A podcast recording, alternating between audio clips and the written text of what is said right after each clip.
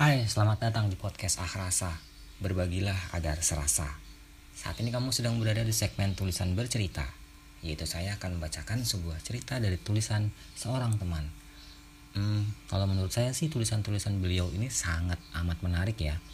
Bahkan penulis besar sekelas Firsa Bersari, Wiranagara, Boy Chandra, Boy William, Boy Tutupoli lewat pokoknya. Oke, selamat mendengarkan saja. Semoga terhibur untuk kamu yang lagi nganggur.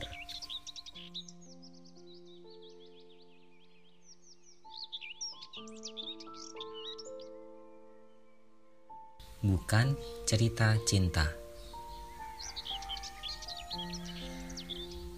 Di antara tahun 2005 atau 2006, di sekitar itu kurasa aku pertama kali melihatnya. Dia punya semua yang aku mau dalam seseorang yang semoga bisa menjadi pasangan. Di antara semua kualitas receh-receh, selayaknya anak kuliahan semester akhir yang memimpikan kesempurnaan, pelan-pelan kusadari Berada di dekatnya menumbuhkan rasa aman dan nyaman. No, bukan. Dia bukan satpam, apalagi perumahan. Dia mahasiswa biasa, sama sepertiku waktu itu. Satu-satunya yang membuat kami tetap menjadi teman cuma kenyataan bahwa ada satu hal yang tidak mungkin menaikkan status kami dari sekadar menjadi sepasang teman.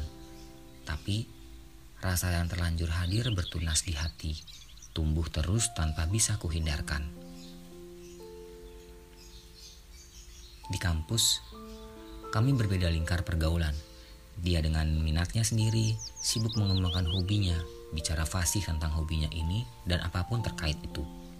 Sementara aku, ia dengan lingkar pergaulanku yang juga disatukan oleh kesamaan dan kesenangan, nongkrong. Karena itulah kami tak punya cukup alasan untuk bisa sering bersama.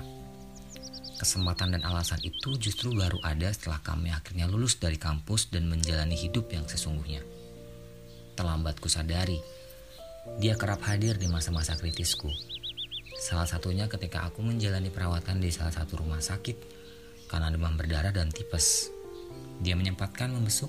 Setelahnya, ketika aku dinyatakan pulih dan boleh kembali pulang setelah empat hari rawat inap, dia menyempatkan menjemputku pulang. Ketika malam datang, dan untuk sementara aku bisa meninggalkan segala pergulatanku untuk sekedar bertahan hidup dan tidak dicap pengangguran atau pemalas. Sosoknya hadir di ambang kesadaran, mengisi semua khayalan, dan seandainya terjadi penyatuan di antara kami, anganku sederhana. Menikah dengan balutan celana pendek Uniqlo warna kaki, kemeja lus putih, lengan panjang, dan sepatu kets atau sendal yang santai tapi tetap stylish. Undangan pernikahan sederhana, cuma kertas putih yang sedikit tebal, tidak glossy, dengan redaksi yang casual karena memang dalam khayalanku, aku nggak mau mengundang banyak orang.